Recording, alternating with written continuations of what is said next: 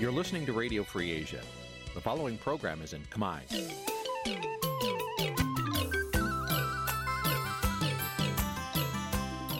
Nǐ ជាកម្មវិធីផ្សាយ Vuthu Azizi Serai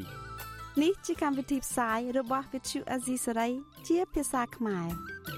Vuthu Azizi Serai សូមស្វាគមន៍លោកអ្នកនាងទាំងអស់ពីរដ្ឋធានី Washington នៃសហរដ្ឋអាមេរិកពីរដ្ឋធានី Washington នាងខ្ញុំសុជីវីសូមជម្រាបសួរលោកអ្នកស្ដាប់ Vuthu Azizi Serai ទាំងអស់ជាទីមេត្រីយើងខ្ញុំសូមជូនកម្មវិធីផ្សាយសម្រាប់ព្រឹកថ្ងៃច័ន្ទ100ខែបឋមសាទឆ្នាំថោះបញ្ញស័កពុរសករាជ2567ត្រូវនៅថ្ងៃទី3ខែកក្កដាគ្រិស្តសករាជ2023ជាដំបូងនេះសូមអញ្ជើញលោកអ្នកនាងស្ដាប់ព័ត៌មានប្រចាំថ្ងៃដែលមានមេត្តាដូចតទៅ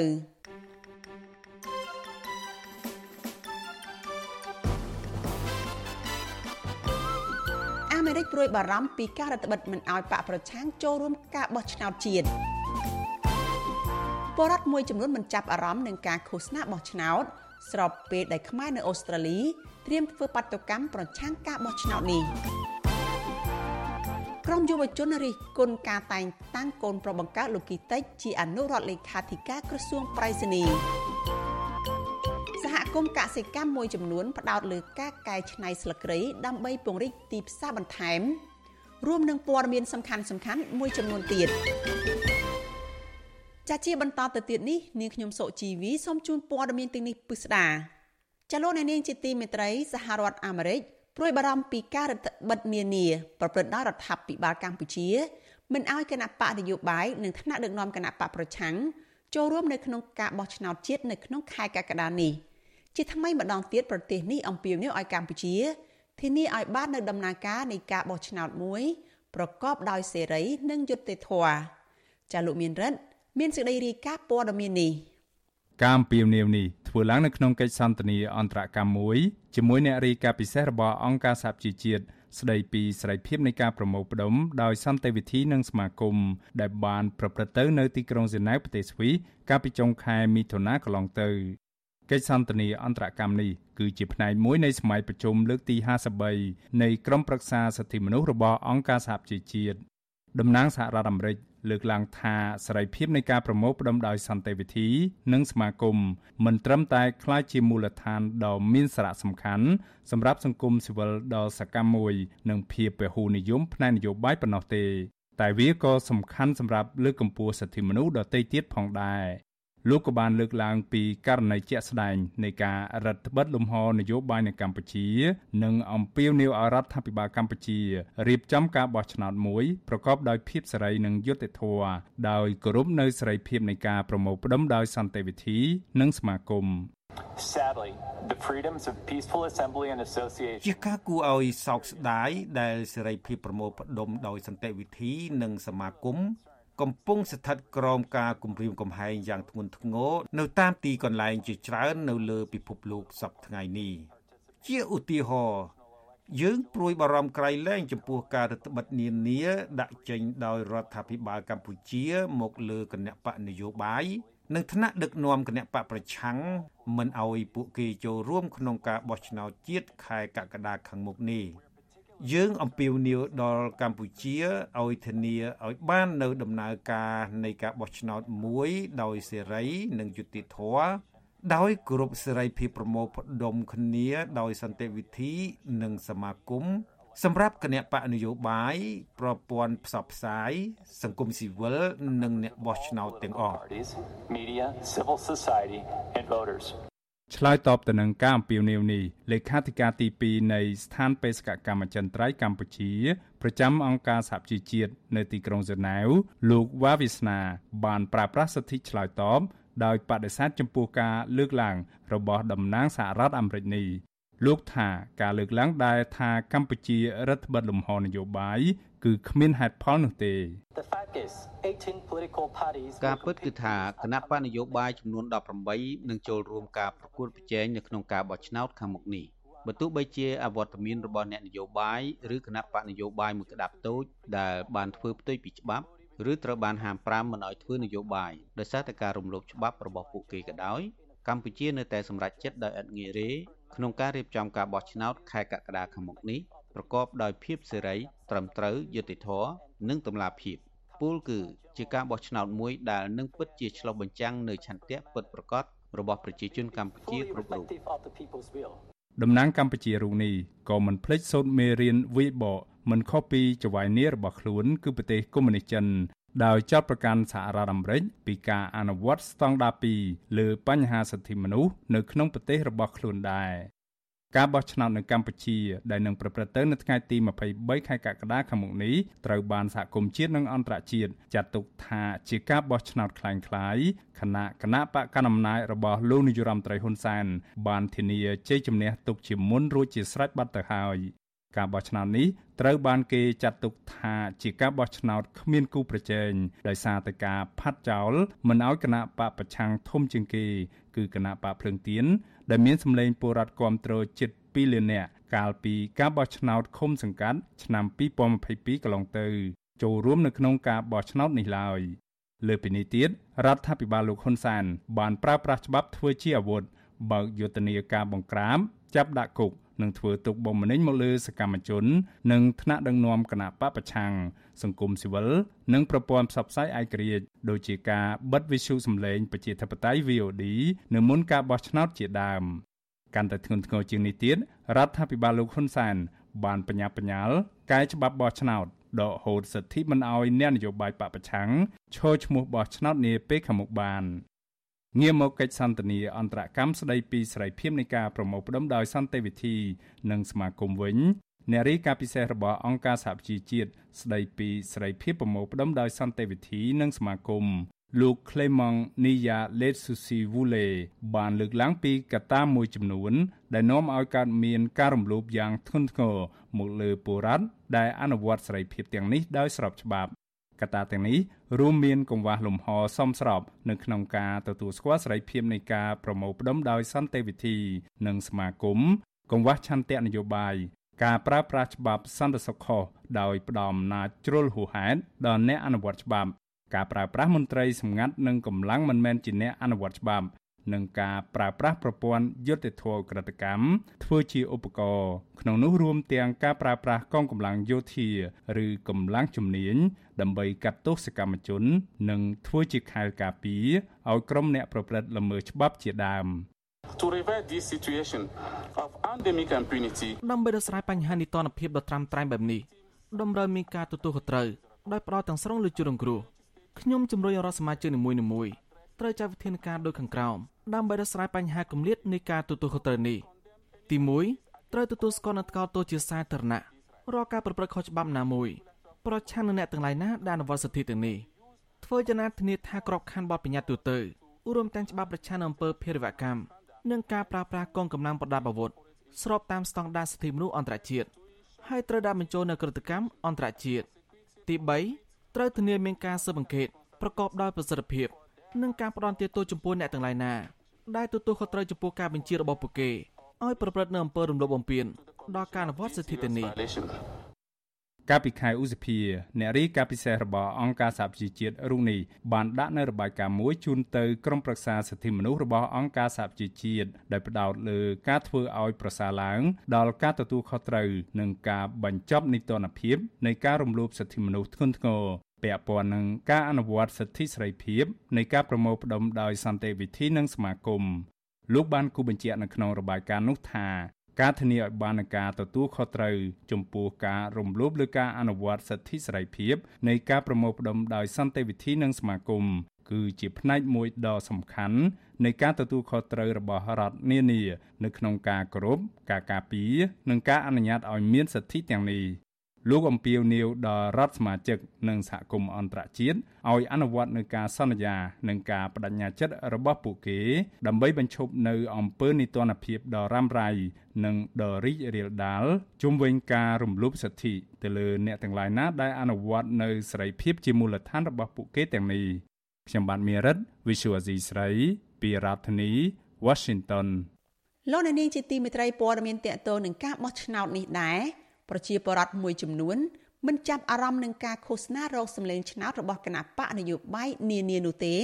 ដោយសារតែគ្មានគណៈបកដែលពួកគេស្រឡាញ់ចូលរួមប្រកួតប្រជែងក្នុងការបោះឆ្នោតប៉ុន្តែអ្នកនាំពាក្យកោជបឆ្លើយតបថាដំណើរការឃោសនាបោះឆ្នោតជ្រើសតាំងតំណាងរាស្ត្រក្នុងថ្ងៃទី2កាលពីថ្ងៃម្សិលមិញនេះប្រព្រឹត្តទៅដោយរលូននិងមានមនុស្សរាប់ម៉ឺននាក់ចូលរួមហែកក្បួនឃោសនាចាលោកថាថៃ រាយការណ៍ព័ត៌មាននេះជូនលោកអ្នកនាងប្រជាពលរដ្ឋមួយចំនួនលើកឡើងថាការឃោសនារោគសម្លេងឆ្នោតរបស់គណៈបកនយោបាយនានាក្នុងអាណត្តិទី7នេះមានភាពសោះកក្រោះដោយសារគ្មានគណៈបកប្រឆាំងចូលរួមប្រកួតប្រជែងប្រជាពលរដ្ឋម្នាក់រស់នៅខេត្តមណ្ឌលគិរីលោកស្រីភ្លឹកភិរមប្រាប់វិទ្យុអាស៊ីសេរីថាលោកស្រីនិងពលរដ្ឋនៅខេត្តមណ្ឌលគិរីភៀកច្រើនមិនសូវចាប់អារម្មណ៍នឹងការឃោសនារោគសម្លេងឆ្នោតរបស់គណៈបកនយោបាយនោះទេដោយសារពួកគាត់មើលឃើញថាមានតែគណៈបកកណ្ដាលអំណាច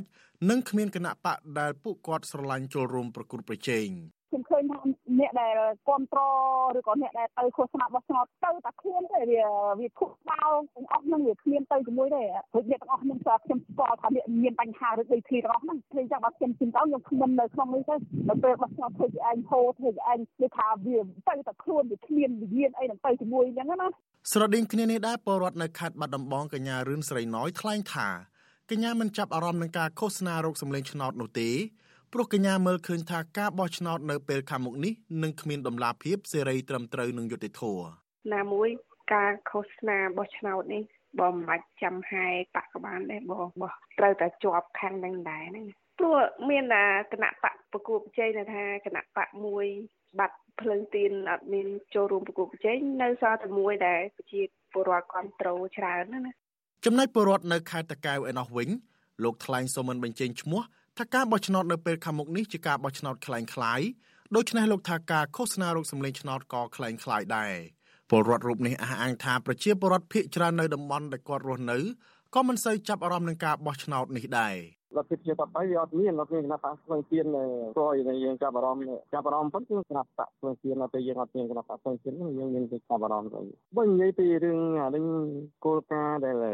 ចេញមកសុទ្ធតែអានេះដែលដែលការពីរដ្ឋធម្មនុញ្ញអីណាការពីអីណានេះទេនេះវាអត់មានអានេះគោលការណ៍ដែលគួរយើងចាប់អារម្មណ៍ហ្នឹងបងវាប៉ុន្តែគោលការណ៍គោលការណ៍ថាអានេះចេញពីមកទៀតដល់ហើយតែពេលបោះឆ្នោតទៅវាធ្វើបាបជាបរដ្ឋដដែលអញ្ចឹងយើងគួរការណាតង់កន្លែងនេះណាបង យុទ្ធនាការឃោសនាបោះឆ្នោតជាតិអាណត្តិទី7នេះមានរយៈពេល21ថ្ងៃគឺចាប់ពីថ្ងៃទី1កក្កដាដល់ថ្ងៃទី21កក្កដា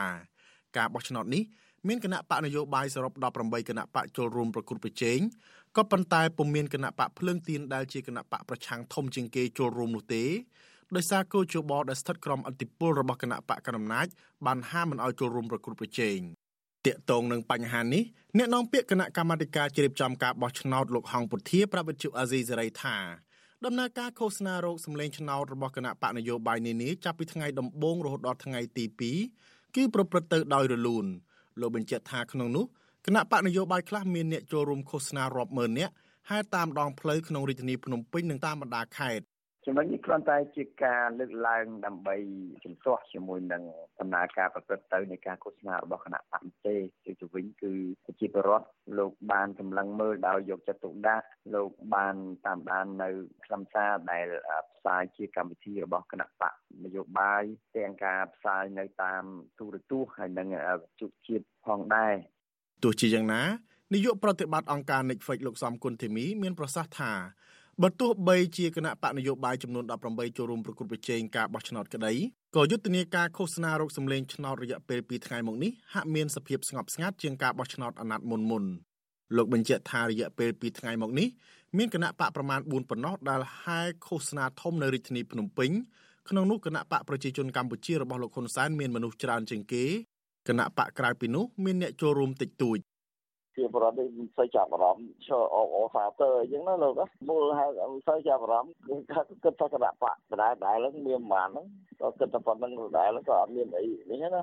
ដូចថាមានតែគណៈបកឃើញថាមានតែគណៈបកជាជនមួយទេដែលច្រើនហែក្បួនហ្នឹងតែហ្នឹងដល់អត់មានគណៈបកតិចតិចទៅមួយទៀតណាបាទដល់ហើយគាត់មិនសូវចាប់អារម្មណ៍ការបោះឆ្នោតជ្រើសរើសតំណាងរាស្ត្រនីតិកាលទី7ខាងមុខនេះនឹងប្រព្រឹត្តទៅនៅថ្ងៃទី23ខែកក្កដាការឃោសនារោគសម្លេងឆ្នោតក្នុងរយៈពេល2ថ្ងៃមកនេះ គណៈបកប្រជាជនកម្ពុជាដង្ហែក្បួនឃោសនាធំនៅទូទាំងប្រទេសដោយមានឡានទំនើបទំនើបនិងមានមន្ត្រីរាជការរាប់ម៉ឺននាក់ចូលរួមចំណែកគណៈបកផ្នែករូបរួមជាតិវិញដឹកនាំដោយប្រធានគណៈបកគឺលោកញឹកប៊ុនឆៃ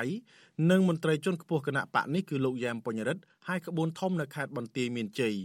រីឯគណៈបកហ្វុនស៊ឹមពេចដឹកនាំដោយព្រះអង្គម្ចាស់នរោត្តមចក្រាវុធហើយក្បួនឃោសនាធំនៅរាជធានីភ្នំពេញទោះជាយ៉ាងណាការបោះឆ្នោតជ្រើសតាំងតំណាងរាស្ត្រនីតិកាលទី7នេះ ត្រូវបានសហគមន៍ជាតិនិងអន្តរជាតិចាត់ទុកថាជាការបោះឆ្នោតคล้ายៗនិងមិនស្របតាមគន្លងប្រជាធិបតេយ្យដោយសារតែលោកហ៊ុនសែនបានរារាំងមិនឲ្យគណៈបកភ្លឹងទៀនដែលមានអ្នកគាំទ្រជិត2លានអ្នកចូលរួមការបោះឆ្នោតខ្ញុំថាថៃពីទីក្រុងមែលប៊នលោកនាងជាទីមេត្រីសេចក្តីរាយការណ៍ពីប្រទេសអូស្ត្រាលីឯណោះឲ្យដឹងថាខ្មែរដែលរស់នៅប្រទេសអូស្ត្រាលីក្រុងធ្វើបាតុកម្មទ្រង់ទ្រាយធំប្រឆាំងនឹងការបោះឆ្នោតនៅកម្ពុជា ដោយសារពួកគាត់មើលឃើញថាគឺជាការបោះឆ្នោតคล้ายៗរៀបចំឡើងដោយក្រុមលោកហ៊ុនសែនបាតុកម្មនេះនឹងធ្វើនៅថ្ងៃទី16ខែកក្កដាចាប់ពីម៉ោង1ដល់ម៉ោង3រសៀលនៅមុខសាលាក្រុង Springvale ស្ថិតនៅក្នុងក្រុង Melbourne នៃរដ្ឋ Victoria ប្រធានប្រតិបត្តិគណៈបកសង្គ្រោះជាតិប្រចាំរដ្ឋ Victoria លោកអិនហេម៉ារ៉ាអំពាវនាវដល់ប្រជាពលរដ្ឋឲ្យចូលរួមបាតុកម្មប្រឆាំងការបោះឆ្នោតคล้ายៗនៅកម្ពុជានេះ ឲ្យបានច្រើនដើម្បីជួយសង្គ្រោះប្រទេសកម្ពុជាឲ្យមានដំណើរការប្រជាធិបតេយ្យសេរីពហុបកនិងការគោរពសិទ្ធិមនុស្សបាតកម្មហ្នឹងគឺយើងធ្វើឡើងជាប្រជាពលរដ្ឋខ្មែរមានសហគមន៍សមាគមចូលរួមហ្នឹងអឺសម្រាប់យើងអ្នកអ្នកជាតបតៃជាពិសេសខ្មែរយើងនៅប្រទេសអូស្ត្រាលីជាពិសេសនៅទីក្រុងមែលប៊នយើងចង់ឃើញលទ្ធិជាតបតៃនៅស្រុកខ្មែរចង់ឃើញការបោះឆ្នោតហ្នឹងសេរីត្រឹមត្រូវតែដោយសារ ការបោះឆ្នោតនេះយើងគិតថាជាការបោះឆ្នោតដោយបង្ក្រប់កិច្ចការបោះឆ្នោតដែលគ្មានគណៈបកប្រកួតប្រជែងឬយ៉ាងថាគណៈបកផ្សេងទៀតដែលមានអ្នកគ្រប់គ្រងដែលយ៉ាងថាអាចប្រកួតប្រជែងបានហ្នឹងមិនអនុញ្ញាតឲ្យចូលរួមប្រកួតប្រជែងហើយមានការធ្វើទុកបុកម្នេញអីហ្នឹងដូច្នេះហើយយើងនឹងធ្វើបាតកម្មដើម្បីជូនសារទៅរដ្ឋាភិបាលរបស់លោកហ៊ុនសែនហ្នឹងតែយើងមិនអាចទទួលយកបានទេយើងបដិសេធការបោះឆ្នោតថ្ងៃទី23ខែកក្កដាខាងមុខនេះ បាទតើការធ្វើបាតកម្មនេះមានការរៀបចំបែបណាខ្លះដែរបាទអឺការធ្វើបាតកម្មនេះគឺយើងនឹងមានអ្នកចូលរួមពីខាងអង្គការនានាយើងនឹងជួបជុំគ្នានៅ Spring នៅថ្ងៃអាទិត្យទី16នៅមុខ City នៅពុក City Springvale Town Hall នៅចិត្ត library ហ្នឹងពីម៉ោង1ដល់ម៉ោងប្រហែលជាម៉ោង3ហើយនឹងយើងនឹងហែទៅផ្សារ Springvale យើងយើងមានសេចក្តីការថ្លែងការណ៍ពីអង្គការនានាហើយអាចថាតំណាងរាស្ត្រយើងនឹង ជាយាមអញ្ជើញតំណាងរាស្ត្រសហព័ន្ធដែរតាមពិតបើយើងនិយាយមែនតើទៅហើយយើងចង់ធ្វើបាតកម្មនេះគឺយើងចង់ធ្វើនៅមុខរដ្ឋសភានៅមែលប៊នយើងក៏ប៉ុន្តែលើនេះសភាគេបានកងដូច្នេះយើងមិនអាចធ្វើបាន យើងជាឱកាសធ្វើនៅ Springwell ដោយសារមានខ្មែរយើងនៅទីនេះច្រើនហ្នឹងបាទតើមានការដាក់ញត្តិដាក់អីទៅខាងរដ្ឋាភិបាលអូស្ត្រាលីហើយទាមទារឲ្យរដ្ឋាភិបាលអូស្ត្រាលីនឹងមានវិធានការអ្វីមួយទេបាទយើងមិនមានជាញត្តិអីទេក៏ប៉ុន្តែយើងនឹងថ្លែងសារយើងដឹងហើយថារដ្ឋាភិបាលអូស្ត្រាលីមិនបញ្ជូនអ្នកស៊ើបអង្កេតហើយនឹងក៏មិននឹងមិនចេញសេចក្តីថ្លែងការណ៍តាក់ទងនឹងការបោះឆ្នោតនឹងដែរហើយខ្ញុំជឿថារដ្ឋាភិបាលអូស្ត្រាលីក៏ដូចជារដ្ឋាភិបាលអ្នកជាធិបតេយ្យនឹងមិនទទួលស្គាល់ការបោះឆ្នោត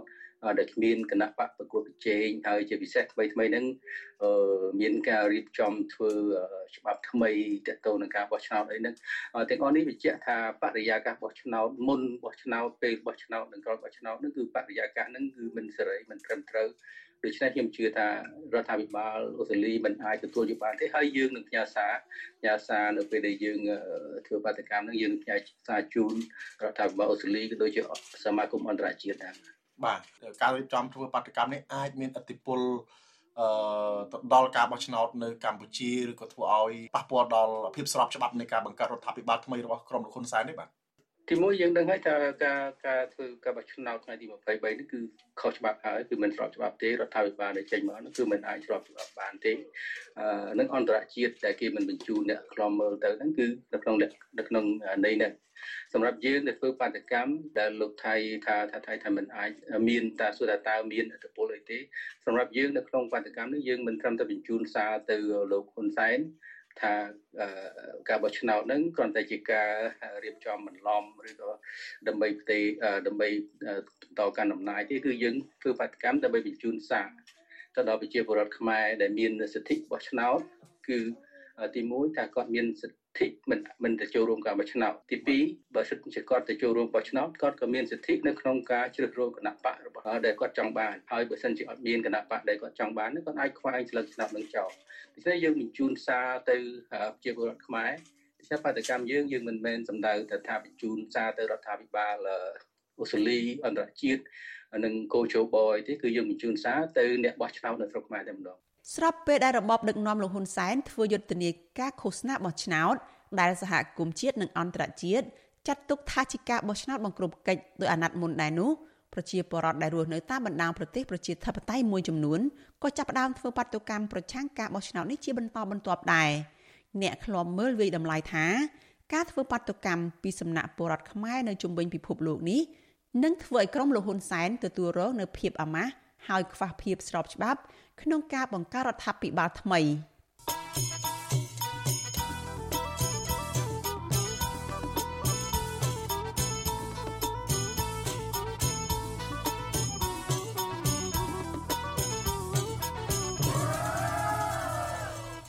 លោកអ្នកនាងកញ្ញាជាទីមេត្រីព័ត៌មានតកតងនៅរឿងក្តីក្តាំនៅតុលាការវិញម្ដងតុលាការក្រុងភ្នំពេញបានចេញដីកាកោះហៅពលរដ្ឋមានចំនួនដីធ្លីនៅតំបន់បឹងតមោក ឲ្យចូលទៅបំភ្លឺនៅថ្ងៃទី3ខែកក្កដានេះតំណាងអัยការអមសាលាដំបងរាជធានីភ្នំពេញលោកសនមុនីចេញដីកាកោះហៅពលរដ្ឋមានចំនួនដីធ្លីនៅបឹងតមោកគឺលោកស្រីអ៊ុំភឿនឲ្យចូលទៅបំភ្លឺដំណើររឿងដែលឈ្មោះងួនម៉ុងតំណាងឲ្យឈ្មោះថៃអ៊ុយនិងតាំងគីមប្តឹងពីបទរំលោភកាន់កាប់អចលនវត្ថុដោយចេតនានិងប្រើអំពើហិង្សាលើអ្នកកាន់កាប់អចលនវត្ថុដោយសុចរិត ការប្តឹងផ្តល់ពលរដ្ឋនៅបឹងតមោកនេះគឺបន្ទាប់ពីប្រជាពលរដ្ឋមានចំនួនដីធ្លីនៅក្បែរតំបន់បឹងតមោកនៅក្នុងភូមិសំរោងត្បូងនៅក្នុងសង្កាត់សំរោងខណ្ឌព្រែកភ្នៅប្រមាណ150នាក់ប្រមូលផ្ដុំគ្នាមិនឲ្យអាជ្ញាធរព្រែកភ្នៅរុះរើស្ពានដែលប្រជាពលរដ្ឋបានសាងសង់សម្រាប់ឆ្លងទៅក្នុងបឹងដើម្បីបេះត្រកួនរាវខ្យងនិងរកត្រីផ្គត់ផ្គង់ជីវភាពគ្រួសារកាលពីថ្ងៃទី11ខែឧសភាកន្លងទៅ ពលរដ្ឋមានចំនួនដីធ្លីនៅបឹងតមោកលោកស្រីអ៊ុំភឿនប្រាប់វិទ្យុអាស៊ីសេរីនៅថ្ងៃទី2ខែកក្កដាថាគាត់មិនអាចទទួលយកការប្តឹងផ្តល់នេះបានទេព្រោះគាត់ជាម្ចាស់ដីដែលបានរស់នៅតាំងពីឆ្នាំ1993ហើយមានអាជ្ញាធរឃុំទទួលស្គាល់និងមានលិខិតស្នាក់នៅនិងមិនបានប្រើប្រាស់អំពើហិង្សាអ្វីទេលោកស្រីបន្ថែមថាគាត់ទើបតែទទួលបានដីកាកោះរបស់តុលាការក្រុងកាលពីរសៀលថ្ងៃទី2ខែកក្កដា ប៉ុន្តែតុលាការតម្រូវឲ្យចូលទៅបំភ្លឺនៅថ្ងៃទី3ខែកក្កដា ចាខ្ញុំអត់មានទេនេះតាមពាក្យគេចោទគេប្រកាន់ពួកខ្ញុំទេបើចំពោះរូបខ្ញុំផ្ទាល់នេះអង្គើនេះអត់មានប៉ះពាល់ដីអភិវឌ្ឍអត់មានឯកជនណាបើខ្ញុំរស់នៅវាតាំងពី93មកបើចំពោះខ្ញុំតាំងពី93ប្រធានភូមិមានធ្វើស័ក្តិមានស័ក្តិដីទាំងអស់មានលិខិតតាមតាពីចៅសង្កាត់មកមានបច្ចៈទីរំនៅមានសពគ្រប់ចាហើយមកប៉ះគ្នានេះមិនមិនដឹងអាចារ្យទ្របនឹងមួយណាផងបើខ្ញុំមានតខាងបើមានប៉ះគ្នាមិនដល់វាយតប់ទេមានតខាងមាត់ ប៉ះមាត់ប៉ះសំដីទេមួយខាងញាថោនិងពជាការពារតែប៉ុណ្្នឹងទេបុកខ្ញុំជាម្ចាស់ដីហើយវិទ្យុអាស៊ីសេរីនៅមិនទាន់អាចតាក់ទងแนะនាំពាក្យសាលាដំបងរាជធានីភ្នំពេញលោកអ៊ីរិនបាននៅឡើយទេ កាលពីថ្ងៃទី2ខែកក្កដាតាក់ទងបញ្ហានេះប្រធានសហគមន៍បរដ្ឋមានចំនួនដីធ្លីនៅតំបន់បឹងតមោកលោកស្រីប្រាក់សុភាមានប្រសាសន៍ថានៅអំឡុងពេលអាជ្ញាធរចុះរុះរើស្ពានរបស់ពលរដ្ឋនៅតំបន់បឹងតមោកកាលពីថ្ងៃទី11ខែឧសភាកន្លងទៅ ពលរដ្ឋមិនបានប្រើអំពើហិង្សាអ្វីទេ ដោយមានរូបភាព និងវីដេអូផ្សាយផ្ទាល់ជាភ័ស្តុតាងលោកស្រីបន្តថាការចោទប្រកាន់លើពលរដ្ឋនៅបឹងតមោកថារំលោភកាន់កាប់អចលនវត្ថុដោយចេតនាគឺជាការដែលមិនអាចទទួលយកបានព្រោះពលរដ្ឋរស់នៅទីនោះតាំងពីឆ្នាំ1993មកម្លេះប្រធានសហគមន៍រូបនេះស្នើដល់តុលាការឲ្យទម្លាក់ចោលបទចោទប្រកាន់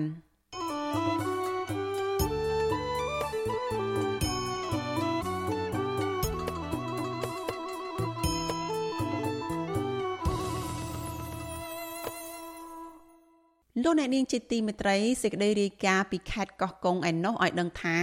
ក្រុមសមត្ថកិច្ចនៅក្នុងខេត្តនេះបានបណ្ដេញក្រុមគ្រួសារនិងពលរដ្ឋដែលមានទំនាស់ដីធ្លីឲ្យចេញពីទីតាំងនៅក្បែរតុលាការខេត្តនេះខណៈពួកគេបានប្រមូលផ្ដុំគ្នាទាមទារឲ្យដោះលែងតំណាង9នាក់របស់ពួកគេមន្ត្រីអង្គការសង្គមស៊ីវិលចាត់ទុកវិធានការរបស់ក្រុមសមត្ថកិច្ចនេះថាជាការធ្វើទរណកម្មផ្លូវចិត្តលើពលរដ្ឋចាលោកជីវតារាយការណ៍ព័ត៌មាននេះ ក្រមប្រជាពលរដ្ឋមានទំនាស់ដីធ្លីជាង30នាក់ក្នុងនោះមានទាំងប្រពន្ធនិងប្តីរួមទាំងកូនតូចតូចរបស់សកម្មជនដីធ្លីនៅខេត្តកោះកុងដែលទើបជាប់ឃុំទាំង9នាក់បានប្រមូលផ្ដុំគ្នានៅក្បែររោងមួយក្នុងទីលានបាល់ទាត់ដែលមានចម្ងាយប្រហែល100ម៉ែត្រពីតុលាការខេត្តកោះកុងដើម្បីតវ៉ាឲ្យតុលាការទម្លាក់ការចោទប្រកាន់និងដោះលែងអ្នកទាំង9នាក់នោះវិញលោកសួសថៃតអាយុ42ឆ្នាំ ប្រាប់វិទ្យុអាស៊ីសេរីនៅថ្ងៃទី2កក្កដាទាំងអួលដើមកថាលោកពុំបានសម្រាប់អស់មួយយប់ដោយសារនៅអង្គុយចាំបក់មូសឲ្យកូនទាំង3នាក់ដេកក្នុងនោះមានកូនភ្លោះប្រុសស្រីអាយុទៅ3ឆ្នាំ នៅក្បែរសម្យ៉ាផ្ទះគេ បន្ទាប់ពីត្រូវបានក្រុមសមត្ថកិច្ចបណ្ដេញពួកលោកមិនឲ្យបោះតង់សម្រាកនៅក្បែរតុលាការ កាលពីម៉ោង9យប់ថ្ងៃទី2កក្កដាលោកស៊ូថែតបាននាំកូនតូចតូចទាំង3នាក់មកជួបមុខប្រពន្ធ គឺលោកស្រីយឺស្រីម៉ៅជាអ្នកតំណាងម្នាក់ក្នុងចំណោមទាំង9នាក់ដែលត្រូវបានតុលាការខេត្តកោះកុងចោទប្រកាន់និងឃុំខ្លួននៅពន្ធនាគាររោកូនវាសម្រាប់បានខ្លះដោយសារវាយំរម៉ែអញ្ចឹងវាភ្ញាក់មកវាយំយើងយើងខុយៗលួងដើម្បីឲ្យដេកប៉ុន្តែវាដេកបានតិចណាស់ដោយសារវាយំរម៉ែវាពេកវាអង្គុយបក់អុយអូគុណដេកទៅកាច់មុខខាង ចំណែកលោកស្រីបិទឆែតប្រពន្ធលោកហេងជ័យដែលត្រូវបានតុលាការចោទប្រកាន់និងឃុំខ្លួននៅពន្ធនាគារនោះដែរ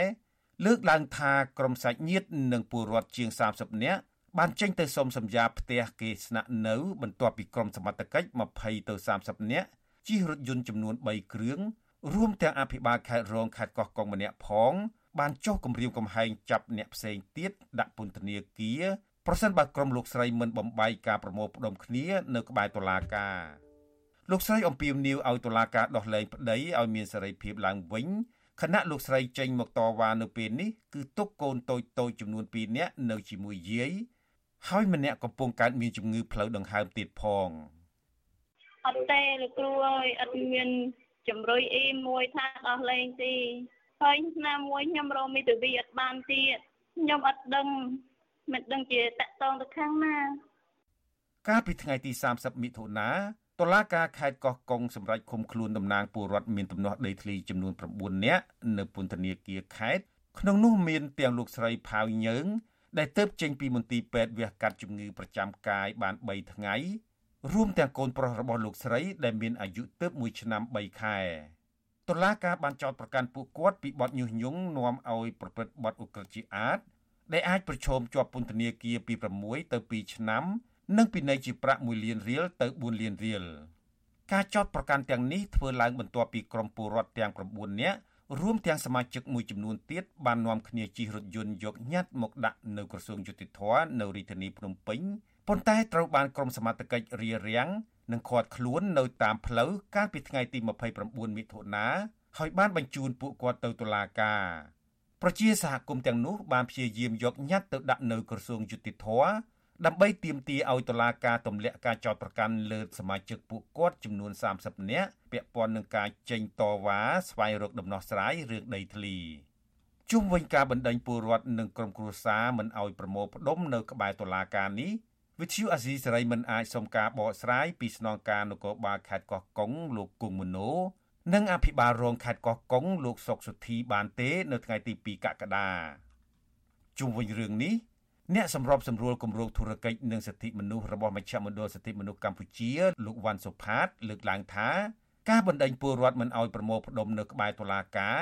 គឺជាការរំលោភសិទ្ធិបញ្ចេញមតិរបស់ពលរដ្ឋហើយការសម្លុតនិងគំរាមកំហែងចាប់ដាក់ពន្ធនាគារគឺជាការបំបាក់ស្មារតីនិងធ្វើទរណកម្មផ្លូវចិត្តលើពលរដ្ឋលោកបន្តថា ប្រជាពលរដ្ឋទាំងនោះបានរងភាពអយុត្តិធម៌និងរងគ្រោះផ្ទួនផ្ទួនគឺពួកគាត់រងគ្រោះដោយសារការបាត់បង់ដីធ្លី និងពុំអាចរកប្រាក់ចំណូលផ្គត់ផ្គង់គ្រួសារហើយត្រូវមករងគ្រោះប្រឈមនឹងការសម្លុតគំរាមកំហែងនិងការចាប់ចងដាក់ពន្ធនាគារពីសមត្ថកិច្ចថែមទៀតផង។ ចឹងយើងចង់ស្នើសុំឲ្យទី1អាជ្ញាធរគ្រាន់តែអឺបើសិនជាគាត់គ្រាន់តែនៅមុខតុលាការហ្នឹងគាត់នឹងមិនមានប្រើអំពើហិង្សាឬសកម្មភាពអីទេគ្រាន់តែថាធ្វើការមិនស្នើសំណូមពរតុលាការលើកលែងការចោទប្រកាន់ហ្នឹងអាហ្នឹងវាជាសិទ្ធិរបស់ប្រជាពលរដ្ឋដែលចែងនៅក្នុងរដ្ឋធម្មនុញ្ញ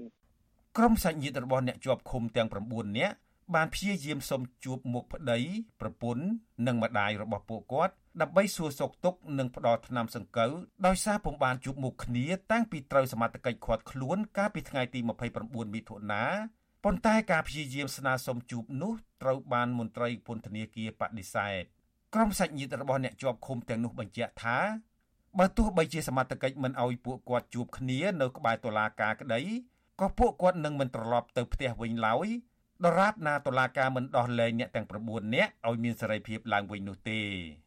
ខ្ញុំជីវិតាអាស៊ីសេរីលោកអ្នកនាងជាទីមេត្រីមកស្ដាប់ព័ត៌មានតកតលនឹងការរំលឹកពីវីរភាពរបស់មនិតកែមលីវិញម្ដង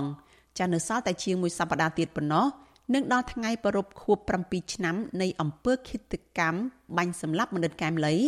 នៅកណ្ដាលក្រុងភ្នំពេញ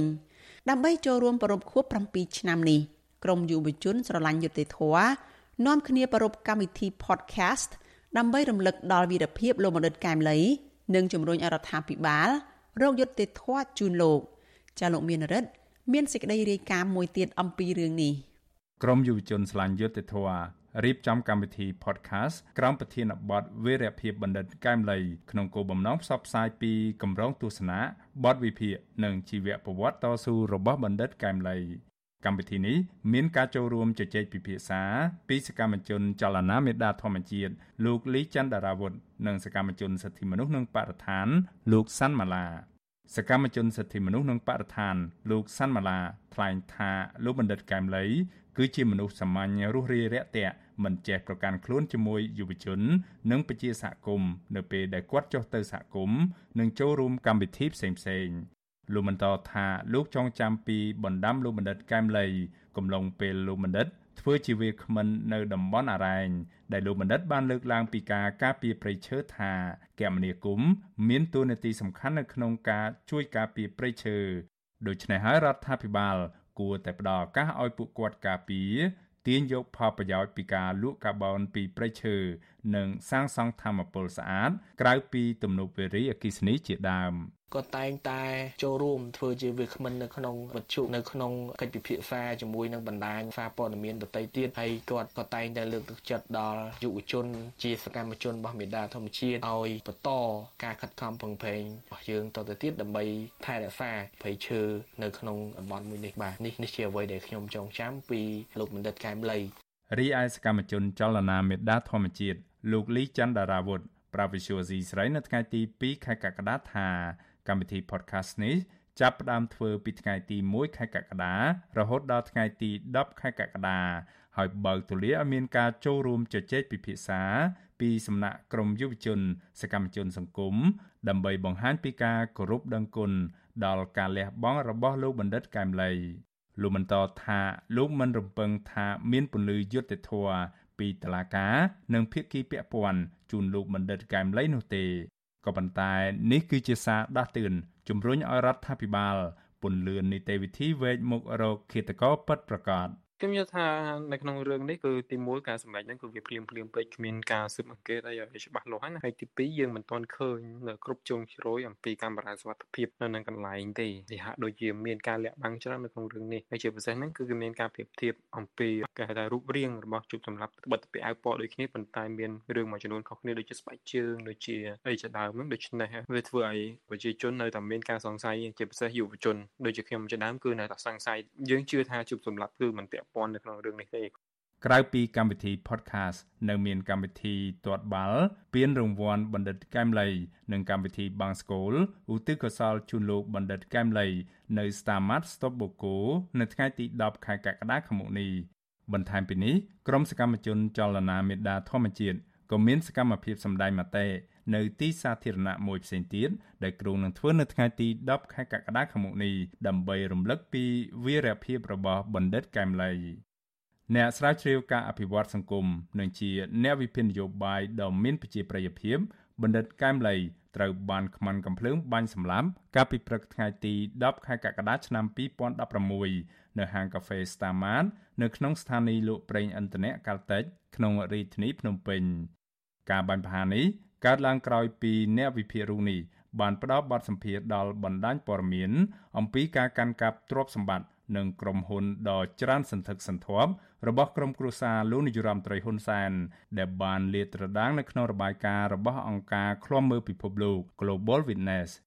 សំណុំរឿងឃាតកម្មដ៏កក្រាក់នេះតឡាការបានផ្ដន្ទាទោសបរិមម្នាក់ឈ្មោះអឿតអាង ដែលហៅខ្លួនឯងថាជួបសម្លាប់ឲ្យជាប់ពន្ធនាគារអស់មួយជីវិត ក៏ប៉ុន្តែក្រុមគ្រួសារជនរងគ្រោះព្រមទាំងសហគមន៍ជាតិនិងអន្តរជាតិចាត់ទុកថាជួបសម្លាប់គឺគ្រាន់តែជាឃាតករសបនិមិត្តតែប៉ុណ្ណោះគិតមកទល់ពេលនេះតឡាការនៅមិនទាន់ស៊ើបអង្កេតរកមុខឃាតករពិតប្រាកដនិងអ្នកពាក់ព័ន្ធផ្សេងទៀតយកមកកាត់ទោសតាមការស្នើសុំរបស់គ្រួសារបណ្ឌិតកែមលី និងអ្នកគោរពស្រឡាញ់លោកនោះទេមន្ត្រីសម្របសម្រួលគម្រោងនៃសមាគមបណ្ដាញយុវជនកម្ពុជាហៅកាត់ថា CYN លោកអូតឡាទីន មានប្រសាសន៍ថារយៈពេល7ឆ្នាំមកនេះលោកបណ្ឌិតកែមលីនៅតែមិនទាន់ទទួលបានយុត្តិធម៌នៅឡើយទេដែលបញ្ហានេះបង្ហាញឲ្យឃើញថារដ្ឋាភិបាលកម្ពុជាមិនបានយកចិត្តទុកដាក់ដើម្បីស្វែងរកយុត្តិធម៌ជូនបណ្ឌិតកែមលីនិងក្រុមគ្រួសាររបស់លោកនៅឡើយទេលោកបន្តថាកម្មវិធីនេះក៏ផ្ដល់ឱកាសឲ្យយុវជនពង្រឹងឆន្ទៈមនសិការស្នេហាជាតិរបស់ខ្លួន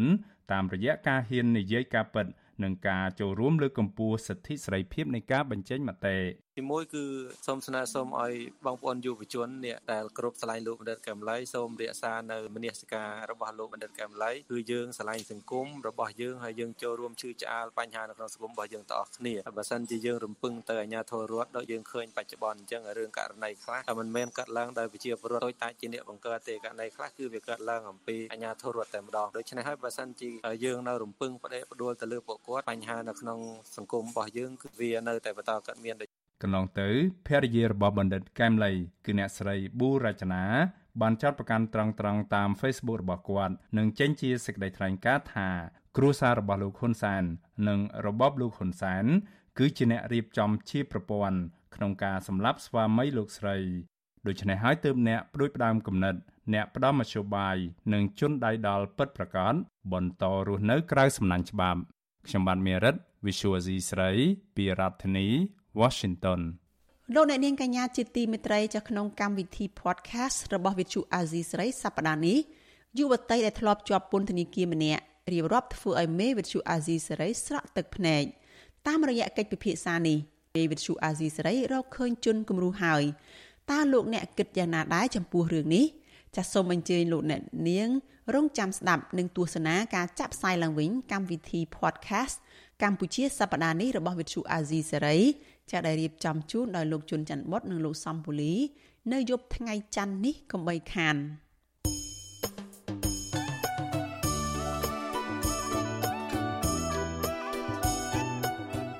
លោកអ្នកនាងជាទីមេត្រីដំណើរគ្នានឹងស្ដាប់ការផ្សាយវិទ្យុអាស៊ីសេរីតាមបណ្ដាញសង្គម Facebook YouTube និង Telegram លោកអ្នកនាងក៏អាចស្ដាប់ការផ្សាយរបស់វិទ្យុអាស៊ីសេរីតាមរយៈរលកធាតុអាកាសខ្លីឬ shortwave តាមកម្រិតនិងកម្ពស់ដូចតទៅនេះ ពេលព្រឹកចាប់ពីម៉ោង5កន្លះដល់ម៉ោង6កន្លះតាមរយៈ post SW 12.14 MHz ស្មើនឹងកម្ពស់ 25m និង post SW 13.71 MHz ស្មើនឹងកម្ពស់ 22m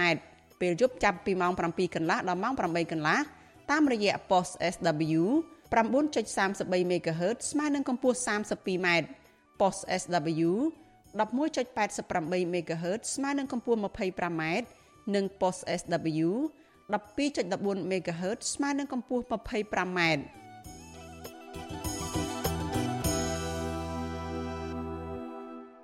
លោកអ្នកនាងកញ្ញាជាទីមេត្រីព័ត៌មានដាច់ដោយឡែកមួយទៀតក្រមយុវជនរិះគន់ការតែងតាំងកូនប្រុសបង្កើតរបស់ប្រធានមេធាវីរបស់លោកហ៊ុនសែនគឺលោកគីតិចឲ្យធ្វើជាអនុរដ្ឋលេខាធិការក្រសួងប្រៃសណីនិងទូរគមនាគមន៍ពួកគេថាការពង្រឹងអំណាចបែបបពពួកគ្រួសារនិយម ធ្វើឲ្យមានទំនាស់ផលប្រយោជន៍នៅក្នុងស្ថាប័នរដ្ឋហើយធ្វើឲ្យយុវជនគ្មានខ្សែស្រឡាយបាត់បង់ឱកាសចាលោកមានរិទ្ធមានសេចក្តីរាយការណ៍ដាច់ដライមួយទៀតអំពីរឿងនេះក្រមយុវជនយល់ថាផែនការដំឡើងកូនអ្នកធំឲ្យធ្វើការមានតំណែងខ្ពង់ខ្ពស់នោះបង្ហាញថាយុវជនផ្សេងទៀតដែលមិនមានខ្សែស្រឡាយជាមន្ត្រីធំមិនអាចមានឱកាសនៅក្នុងការទទួលបានតំណែងនោះទេ ពលករធ្វើការនៅប្រទេសកូរ៉េខាងត្បូងនិងជាយុវជនគណៈបកភ្លើងទៀនលោកម៉ាត់វ៉ានីថ្លែងថាសង្គមប្រជាធិបតេយ្យការតែងតាំងឬដំឡើងតួនាទីត្រូវផ្អែកលើសមត្ថភាព និងអតីតភាពការងារជាដើមក៏ប៉ុន្តែលោកថាមានតែរបបដឹកនាំរបស់លោកហ៊ុនសែនទេ ដែលតែងតាំងកូនចៅសាច់ញាតិរបស់មេដឹកនាំគណៈបកកណ្ដាលអំណាចឲ្យចូលទៅគ្រប់គ្រងនៅក្នុងក្រសួងស្ថាប័នរដ្ឋតាមវងត្រកូល លោកយល់ថាប្រព័ន្ធដឹកនាំប្រទេសតាមបែបគ្រួសារនិយមនេះបានជះឥទ្ធិពលអាក្រក់ដល់សង្គមជាតិដូចជាចំណាយលុយខ្ជះខ្ជាយបាត់បង់ធនធានមនុស្សដែលមានសមត្ថភាពពិតប្រាកដហើយយុវជនដែលគ្មានលទ្ធភាពឬឪកាន់តំណែងធំធំនោះទេពួកគេគ្មានឱកាសបានក្លាយជាអ្នកដឹកនាំស្ថាប័នជាតិឡើយបើសិនគណៈបកប្រជាជនកម្ពុជា នៅតែបន្តក្តោបក្តាប់អំណាចតទៅទៀតនោះ ប្រទេសកម្ពុជារបស់យើងគឺដំឡើងទូនីតិទៅតាមបពពួកក្រុមគ្រួសារអញ្ចឹងវាធ្វើឲ្យបាត់បង់នៅធនធានមនុស្សពិតប្រាកដព្រោះយុវជនខ្មែរច្រើនណាស់ដែលគាត់មានសមត្ថភាពអាចដឹកនាំប្រទេសអាចកាន់មុខនីតិសំខាន់សំខាន់បានប៉ុន្តែគាត់អត់មានលទ្ធភាពក្នុងការប្រកួតប្រជែងទៅយកទូនីតិទាំងអស់នឹងទេដោយសារតែប្រព័ន្ធសន្តនិយមនេះដែលនាំឲ្យបាត់បង់ធនធានមនុស្សជាច្រើនក្នុងប្រទេសកម្ពុជាបាទ ចំណែកយុវតីនៅខេត្តកំពង់ធំវិញកញ្ញារៀមស្រីពេជ្ររតនាថ្លែងថាកញ្ញាស្វាគមន៍ការលើកទឹកចិត្តឲ្យយុវជនមានឱកាសក្លាយជាអ្នកដឹកនាំដើម្បីបម្រើផលប្រយោជន៍របស់ប្រជាពលរដ្ឋក៏ប៉ុន្តែកញ្ញាមិនគាំទ្រឡើយចំពោះការតែងតាំងកូនចៅ និងបពពួកនិយមដែលគណៈបកកណ្ដាលអំណាចកំពុងធ្វើសពថ្ងៃនេះកញ្ញាថាទង្វើបែបនេះធ្វើឲ្យប៉ះពាល់ដល់ទឹកចិត្តនិងស្មារតីស្នេហាជាតិរបស់យុវជនគ្រប់និន្នាការទាំងអស់ដែលពួកគាត់ចង់ក្លាយជាមេដឹកនាំចំណែកឯប្រទេសជាតិវិញក៏ធ្វើដំណើរទៅរកភាពអន់ថយនិងចាកឆ្ងាយចេញពីគន្លងប្រជាធិបតេយ្យធ្វើឲ្យប៉ះពាល់ដល់យុវជនមួយចំនួនដែរធ្វើឲ្យពួកគាត់នឹងមានអាភាពមួយបាត់បង់នៅអាមោទនភាពជាតិហើយប៉ះពាល់ដល់ក្តីសម័យពួកគាត់ចង់បានតំណែងនេះតំណែងនោះប៉ុន្តែសង្គមមួយហ្នឹងឱកាសមួយហ្នឹងវាមានតិចភាគរយយើង ដៅគោលដៅថាយើងចង់ធ្វើការនៅក្រសួងអីមួយចង់គ្រប់គ្រងនៅក្រសួងអីមួយប៉ុន្តែវាធ្វើឲ្យវាអាចធ្វើឲ្យរាំងស្ទះថាយើងពុំអាចទៅមុខបានពីព្រោះដោយសារយើងឃើញគោលដៅនៃបពពួកគ្រួសារនិយមរបស់គេបានទៅហើយប្រតិកម្មរបស់ក្រមយុវជនទាំងនេះធ្វើឡើងបន្ទាប់ពីព្រះមហាក្សត្រនរោត្តមសីហមុនីកាលពីថ្ងៃទី29ខែមិថុនា បានចេញព្រះរាជក្រឹត្យតែងតាំងកូនប្រុសបង្កើតរបស់លោកគីតិចគឺលោកគីឌីបូម៉ាឲ្យធ្វើជាអនុរដ្ឋលេខាធិការនៃក្រសួងប្រៃសណីនិងទូរគមនាគមន៍តាមការស្នើសុំរបស់លោកនាយរដ្ឋមន្ត្រីហ៊ុនសែនវិសុវអាស៊ីស្រីមិនអាចតាក់ទងលោកគីតិចដើម្បីបញ្ជាក់ជុំវិញរឿងនេះបាននៅឡើយទេនៅថ្ងៃទី2ខែកក្កដាលោកគីឌីបូម៉ាដែលគេស្គាល់ថាឈ្មោះបូម៉ាគី ទើបរៀនចប់ថ្នាក់បរិញ្ញាបត្រគ្រប់គ្រងពាណិជ្ជកម្មនិងបរិញ្ញាបត្រច្បាប់កាលពីខែឧសភាឆ្នាំ2022នៅសាកលវិទ្យាល័យ Arizona នៅសហរដ្ឋអាមេរិកកូនប្រុសបង្ការរបស់លោកគីតិចគឺលោកគីឌីបូម៉ាបានសរសេរសារបង្ហោះនៅលើគណនី Facebook អព្រះគុណព្រះមហាក្សត្រដែលបានចេញព្រះរាជក្រឹត្យតែងតាំងលោកឲ្យក្លាយជាអនុរដ្ឋលេខាធិការនៃក្រសួងប្រៃសណី លើពីនេះទៀតលោកក៏គោរពដឹងគុណចំពោះលោកហ៊ុនសាន ដែលបានផ្ដល់ឱកាសឲ្យលោក បានចូលបម្រើការងារជាមួយរដ្ឋាភិបាលហើយលោកបដញ្ញាថានឹងយកកម្លាំងកាយចិត្តចំណេះដឹងទៅបម្រើជាតិនិងក្រុមគ្រួសារលោកហ៊ុនសាន ដោយស្មោះស្ម័គ្របំផុតការទទួលបានទូនាទីខ្ពស់របស់លោកគីឌីបូម៉ានៅពេលនេះទំនងមកពីលោកគីតិចដែលជាឪពុកធ្វើជាប្រធានក្រុមមេធាវីរដ្ឋាភិបាល និងក្រុមមេធាវីស្ម័គ្រចិត្តរបស់លោកហ៊ុនសាន ដែលមានស្នាដៃរំលាយគណៈបកសង្គ្រោះជាតិកាលពីចុងឆ្នាំ2017រួមទាំងសំណុំរឿងនយោបាយផ្សេងទៀតដើម្បីការពារអំណាចរបស់លោកហ៊ុនសានព្រមទាំងប្រយោជន៍របស់គណៈបកប្រជាជនកម្ពុជា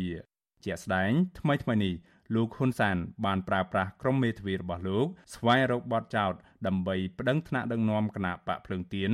រួមមានលោកសុនឆៃលោកថាច់សេដ្ឋានិងការរឹបអូសយកទ្រព្យសម្បត្តិរបស់លោកគង់គំជាដើម ទោះយ៉ាងណាអ្នកខ្លាំមើលសង្កេតឃើញថា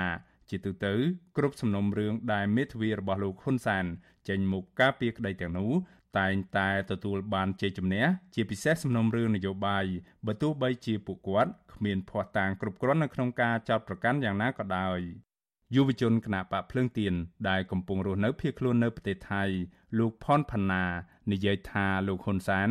ដឹកនាំប្រទេសរហូតមកទល់សពថ្ងៃនេះបានដោយសារតែអំពើហិង្សានិងការរៀបចំការបោះឆ្នោតคล้ายៗដែលយកច្បាប់ធ្វើជាឧបករណ៍នយោបាយហើយបន្ទាប់មកទៀតរៀបចំឲ្យកូនចៅឡើងដឹកនាំប្រទេសជំនួសឪបន្តទៀតលោកយល់ថា ការតែងតាំងកូនលោកគីតិចឲ្យក្លាយជាអនុរដ្ឋលេខាធិការក្រសួងប្រៃសណីទំនងជាថ្នូរដែលលោកគីតិចខំជួយការពារគ្រួសារលោកហ៊ុនសាន តាមរយៈការគាស់រំលើងប្រជាធិបតេយ្យនៅកម្ពុជារដ្ឋមន្ត្រីមួយលើកបន្ទប់កូនរដ្ឋមន្ត្រីមួយជាបន្តបន្ទាប់នេះធ្វើឲ្យលទ្ធិប្រជាធិបតេយ្យនៅកម្ពុជាហ្នឹងក៏កាន់តែធ្លាក់ចុះហើយអំពើពុករលួយហ្នឹងក៏កាន់តែកើនឡើងយុវជនដែលមានសមត្ថភាព ដែលមានគំនិតក្នុងការអភិវឌ្ឍជាតិគឺมันមានឱកាសក្នុងការកសាងចូលរួមកសាងប្រទេសជាតិទេហ៊ុនសែនគឺគាត់តែងតែតបស្នងនៅអ្នកដែលជួយគាត់ក្នុងការពង្រឹងអំណាចរបស់គាត់អញ្ចឹងការតែងតាំងរបស់កូនលោកគីតិចនេះគឺជាការតបស្នងដែលលោកគីតិចតែងតែជួយលោកហ៊ុនសែនគ្រប់បែបយ៉ាង ជុំវិញរឿងនេះប្រធានអង្គការដំឡាភិបកម្ពុជា លោកពេជ្រពិសីក៏សម្គាល់ថាការតែងតាំងខ្សែស្លាយរបស់មន្ត្រីធំធំ នៅក្នុងជួររដ្ឋាភិបាលរួមទាំងស្ថាប័នរដ្ឋបានកើតមានឡើងជាហូរហែចាប់តាំងពីស្ថាប័នជាតិរហូតដល់ថ្នាក់ក្រោមជាតិលោកថាការតែងតាំងចាក់ស្រេះដោយខ្សែស្លាយបពនិយមនេះនឹងនាំឲ្យមានទំនាស់ផលប្រយោជន៍សាធារណៈអំពើពុករលួយនៅក្នុងស្ថាប័នរដ្ឋហើយមន្ត្រីរាជការឬអ្នកតូចតាច គ្មានបពពួកពួកគេពុំមានឱកាសធ្វើការងារធំតាមបំណងរបស់ពួកគេនោះទេ តាមការយល់ឃើញរបស់ខ្ញុំគឺបច្ចុប្បន្ននេះកម្ពុជាដូចជាមិនត្រូវការក្បាលម៉ាស៊ីនដែលធំជាងខ្លួនទេបាទក្បាលម៉ាស៊ីនដឹកនាំនឹងធំជាងខ្លួនធំជាងតម្រូវការជាក់ស្ដែងដែលពលរដ្ឋត្រូវការពឹងពាក់សេវាសាធារណៈនឹង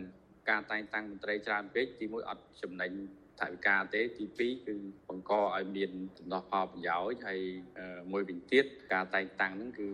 នឹងធ្វើឲ្យអ្នកផ្សេងដែលដែលមានចំណេះហ្នឹងអត់មានឱកាសក្នុងការចូលរួមដឹកនាំប្រទេសរបស់ខ្លួនទេការបញ្ចូលឈាមថ្មីរបស់គណៈបកកណ្ដាលអំណាចទៅក្នុងជួរដឹកនាំរដ្ឋាភិបាលនិងនៅថ្នាក់ក្រោមជាតិបានកើតមានឡើងកាន់តែខ្លាំងឡើងខ្លាំងឡើងក្រោយពេលកម្ពុជាស្ថិតក្រោមការគ្រប់គ្រងតាមបែបឯកប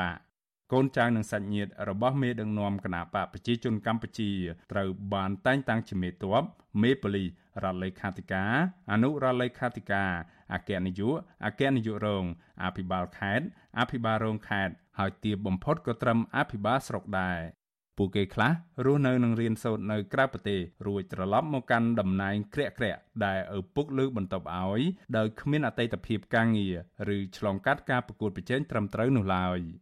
ក្រមយុវជនប្រកាសមិនគ្រប់គ្រងនយោបាយគ្រប់គ្រងប្រទេសតាមគ្រួសារឬបកពួកនិយមឡើយពីព្រោះកម្ពុជាមិនមែនជាប្រទេសផ្ដាច់មុខរបស់ក្រុមណាម្នាក់នោះទេដូច្នេះហើយពួកគេអំពាវនាវដល់យុវជនទូទៅឲ្យប្រើប្រាស់សិទ្ធិរបស់ពួកគេ ដើម្បីប្រឆាំងទៅនឹងទង្វើគ្រួសារនិងបកពួកនិយមរបស់គណៈបកកណ្ដាលអំណាច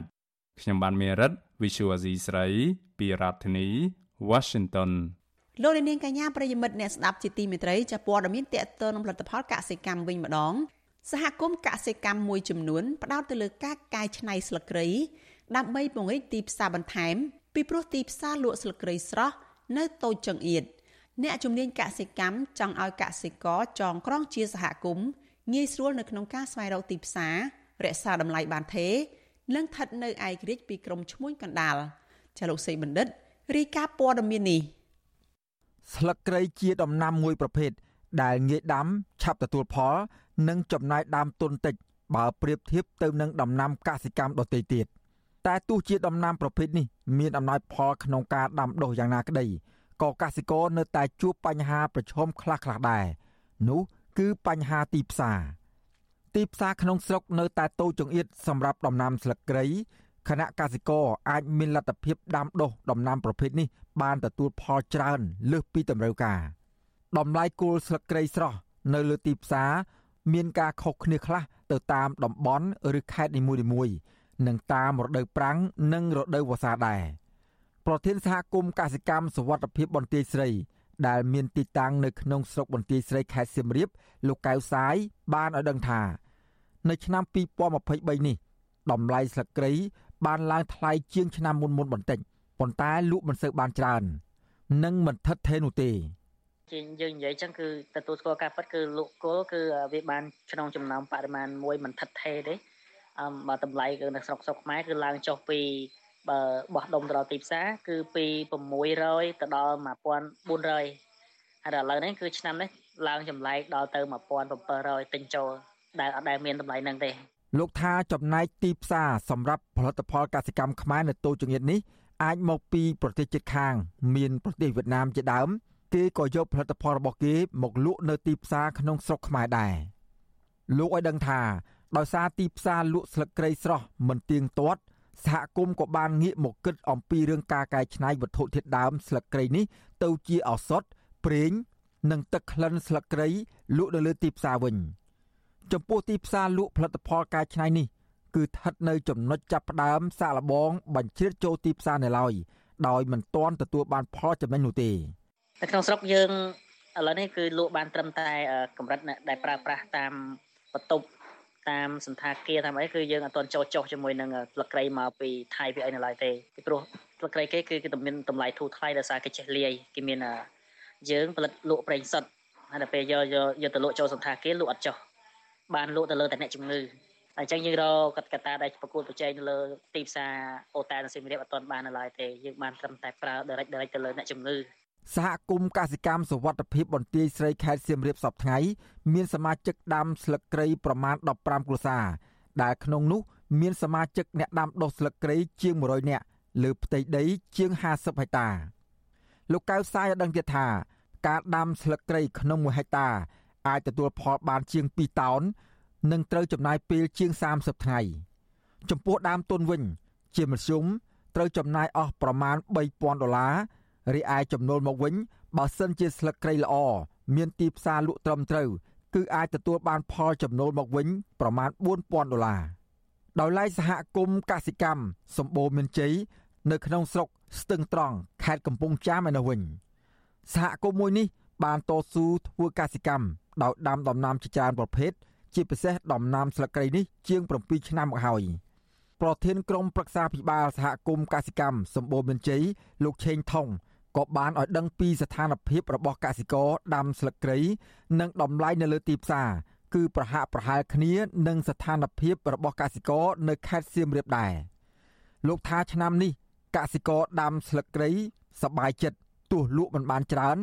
តែស្លឹកគ្រៃស្រស់ លក់បានថ្លៃជាងឆ្នាំមុនមុនសហគមន៍នេះសពថ្ងៃមានសមាជិកដាំស្លឹកគ្រៃប្រមាណជាង200គ្រួសារនិងមានផ្ទៃដីដាំដុះជិត100ហិកតាលោកថានៅខេត្តកំពង់ចាមសពថ្ងៃគល់ស្លឹកគ្រៃស្រស់ឈ្មួញទិញចូល មានតម្លៃ1400រៀលក្នុង1គីឡូក្រាម កាលពីឆ្នាំ2022កន្លងទៅ តម្លៃស្លឹកគ្រៃលក់បានតម្លៃ1100រៀលប៉ុណ្ណោះក្នុង1គីឡូ ទោះយ៉ាងណាក្តីកសិករដាំស្លឹកគ្រៃមិនសូវជាទុកចិត្តលើតម្លៃទំនិញកសិកម្មនៅលើទីផ្សារក្នុងស្រុកនោះទេលោកឆេងថងឲ្យដឹងដែរថាដើម្បីដោះស្រាយបញ្ហាពង្រីកទីផ្សារបន្ថែម និងប្រើប្រាស់ផលិតផលស្លឹកគ្រៃឲ្យអស់លទ្ធភាពពួកគាត់បានរកមធ្យោបាយកែច្នៃដោយខ្លួនឯងក្នុងនោះ មានការកែច្នៃវត្ថុធាតុដើមស្លឹកគ្រៃដែលលក់ស្រស់ស្រស់មិនអស់យកទៅកែច្នៃធ្វើជារបស់ប្រើប្រាស់ថ្មីមួយផ្សេងទៀត ដូចជាការផលិតប្រេងស្លឹកគ្រៃជាដើមបាទអញ្ចឹងយើងនាំគល់ទៅលក់ទីផ្សារយើងនៅសល់អាស្លឹកវាដែលយើងច្រូតហើយយើងកាត់ចេញតែយើងកាត់ចេញឬក៏យើងបកចេញដើម្បីសម្អាតវាហ្នឹងអាស្លឹកហ្នឹងយើងចេញពីកសិករមួយផ្នែកទៀតគឺពីសមាជិកហ្នឹង1គីឡូ400អាហ្នឹងយកយកមកទុកចម្រាញ់ប្រេងគុតគង់ទៅទីផ្សារលោកថាប្រេងស្លឹកគ្រៃនេះ សម្រាប់ដបតូច ចំណុះ10មីលីលីត្រ អាចលក់បានក្នុងតម្លៃ17000រៀលឬស្មើនឹងជាង4ដុល្លារអាមេរិកបើដបធំចំណុះ1លីត្រតម្លៃជិត200ដុល្លារលោកបន្តថាសពថ្ងៃនេះសហគមន៍របស់លោក ផលិតប្រេងស្លឹកគ្រៃបានពី15ទៅ20លីត្រប៉ុណ្ណោះក្នុងមួយខែលោកឆេងថងបានឲ្យដឹងអំពីប្រភេទដំណាំស្លឹកគ្រៃដែលកសិករនិយមដាំដុះសពថ្ងៃនេះគឺពូជក្នុងស្រុក មាន3ប្រភេទរួមមានស្លឹកគ្រៃគ្រឿង ស្លឹកគ្រៃត្រែង និងស្លឹកគ្រៃអំបោះជាដើមហើយសម្រាប់ស្លឹកគ្រៃខែងវាវាគ្រាន់ថាវាដើមវាធំមើលទៅដាំទៅដើមវាវែងប៉ុន្តែសម្រាប់ក្លិននិងរសជាតិវាចាញ់លក្ខីអំបោះខៃអំបោះដើមគល់វារាងធំតែរាងខ្លីហើយអឺពណ៌ដើមវារាងសបកទៅគឺសស្គូសហ្មងខៃអំបោះណា ហើយស្លឹកវារាងទុនដាបដាបហើយប៉ុន្តែលក្ខីហ្នឹងក៏ទៀនទាឲ្យមានចូលជាមួយលក្ខីថែងដែរព្រោះខណៈយើងយកទៅហាន់កិនជាគ្រឿងសម្រាប់ស្លទៅគឺវាឈ្ងុយហើយមកគឺឈ្ងុយខ្លាំងហ្មងគឺឆ្ងាញ់ហ្មងព្រោះគាត់ថាទិន្នផលវារៀងរៀងតិចជាងលក្ខីលក្ខីថែងវិទ្យុអាស៊ីសេរីនៅពុំទាន់អាចតាក់ទងแนะនាំពាក្យក្រសួងកសិកម្មកញ្ញាអឹមរចនាដើម្បីសាកសួរអំពីបញ្ហាប្រឈមនានារបស់កសិករបាននៅឡើយទេរហូតមកទល់នឹងម៉ោងផ្សាយនេះ តាក់ទងនឹងបញ្ហាទីផ្សារលក់កសិផលកសិករនេះដែរទីប្រឹក្សាបច្ចេកទេសកសិកម្មនិងជាអតីតប្រធានអង្គការសេដាក់អ្នកស្រីតុងច័ន្ទធៀងមើលឃើញថា ទីផ្សារជាបញ្ហាប្រឈមធំមួយសម្រាប់កសិករបញ្ហានេះធ្វើឲ្យពួកគាត់បាត់លំនឹងលើមុខរបរកសិកម្មមួយនេះ ជាដំណោះស្រាយលោកស្រីសូមឲ្យកសិកររួមគ្នាជាសហគមន៍ដើម្បីការពារអត្ថប្រយោជន៍រួមគ្នា ក្នុងការពង្រីកទីផ្សារកុំឲ្យបញ្ហាទីផ្សារនេះ ស្ថិតនៅលើបបោមាត់ឈ្មួញកណ្ដាលការចរចាតម្លៃគឺអត់សូវមានអំណាចដូចយើងធ្វើជាសហគមន៍ទេក្រមសហគមន៍កសិករនៅតែអំពាវនាវឲ្យរដ្ឋាភិបាល ស្វែងរកទីផ្សារដែលរឹងមាំសម្រាប់កសិផលកសិកម្មដើមទុន និងបញ្ហាបច្ចេកទេសម្យ៉ាងវិញទៀតពួកគាត់សូមឲ្យកាត់បន្ថយការនាំចូលទំនិញទាំងឡាយណាដែលកសិករក្នុងស្រុកអាចផលិតបាន និងសូមឲ្យអ្នកប្រើប្រាស់ក្នុងស្រុកជួយគ្រប់គ្រងផលិតផលខ្មែរតាមដែលអាចធ្វើទៅបាន ជាមួយគ្នានេះពួកគាត់ប្រើប្រាស់បណ្ដាញសង្គមដើម្បីផ្សព្វផ្សាយគុណប្រយោជន៍នៃផលិតផលកសិកម្មរបស់ខ្លួន ដូចជាដំណាំស្លឹកគ្រៃនេះជាដើមពួកគាត់បញ្ជាក់ថាស្លឹកគ្រៃធម្មជាតិរបស់ពួកគាត់មានគុណភាពខ្ពស់គ្មានជាតិគីមីដែលដាំដុះដោយប្រជាកសិករខ្មែរនិងជាសមាជិករបស់សហគមន៍កសិកម្មចំណែកផលិតផលព្រៃស្លឹកគ្រៃមានអត្ថប្រយោជន៍ជាច្រើន ដូចជាបំបត្តិរាល់បញ្ហាឈឺសន្លាក់ដៃជើង ស្ពឹកស្រពន់កប់សរសៃចុករួយថ្លោះក្រិចហើម និងព្យាបាលកន្លែងមានរបួសបានបន្តិចបន្តួចដែរប្រេងស្លឹកគ្រៃអាចបំបត្តិរាល់បញ្ហាក្លិនមិនល្អដូចជានៅក្នុងបន្ទប់គេងបន្ទប់ទឹក និងក្នុងរថយន្តជាដើម ក្រៅពីនេះប្រេងស្លឹកគ្រៃអាចបណ្ដេញសត្វល្អិត ដូចជាមូសនិងប្រភេទសត្វល្មូនពិសេសជាងនេះទៅទៀតនោះប្រេងស្លឹកគ្រៃ គឺអាចលាយជាមួយនឹងប្រេងដូងដើម្បីធ្វើជាប្រេងម៉ាស្សាយ៉ាងល្អប្រសើរថែមទៀតផងខ្ញុំបាទសេកបណ្ឌិតវុទ្ធុអាស៊ីសេរីពីរដ្ឋធានីវ៉ាស៊ីនតោន thank you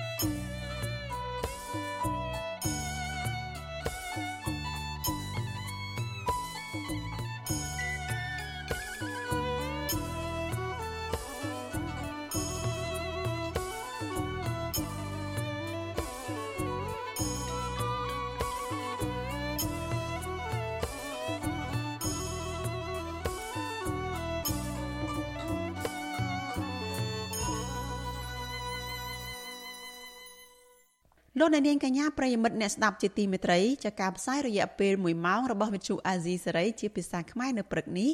ចាប់ត្រឹមតែប៉ុណ្ណេះនាងខ្ញុំសុជីវី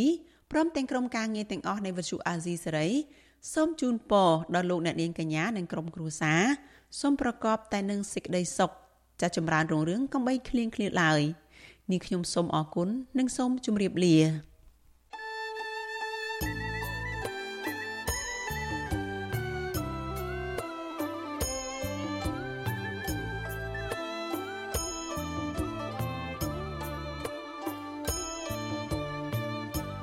ទ្យុអាស៊ីសេរីផ្សាយតាមរលក ធាតុអាកាសខ្លីតាមកម្រិត និងកម្ពស់ដូចតទៅនេះ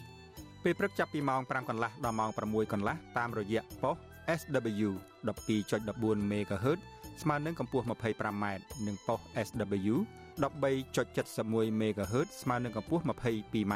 ពេលយប់ចាប់ពីម៉ោង7កន្លះដល់ម៉ោង8កន្លះតាមរយៈប៉ុស SW 9.33 MHz ស្មើនឹងកម្ពស់ 32m ប៉ុស SW 11.88 MHz ស្មើនឹងកម្ពស់ 25m និងប៉ុស SW 12.14 MHz ស្មើនឹងកម្ពស់ 25m លោកអ្នកនាងក៏អាចស្ដាប់និងទស្សនាការផ្សាយផ្ទាល់នៅលើគេហទំព័ររបស់ Vuthu Azizi Saray តាមរយៈអាស័យដ្ឋាន rfa.org/ ខ្មែរក្រៅពីនេះលោកអ្នកនាងក៏អាចអាននិងទស្សនាព័ត៌មាន Vuthu Azizi Saray លើទូរស័ព្ទដៃរបស់លោកអ្នកផ្ទាល់ សូមលោកអ្នកនាងដំឡើងកម្មវិធី Vithu Azisari នៅលើទូរស័ព្ទដៃរបស់លោកអ្នកនាងឬស្វែងរក Vithu Azisari នៅលើ YouTube ឬ Facebook ដោយស្វែងរកពាក្យថា Vithu Azisari ឬ RFA ខ្មែរ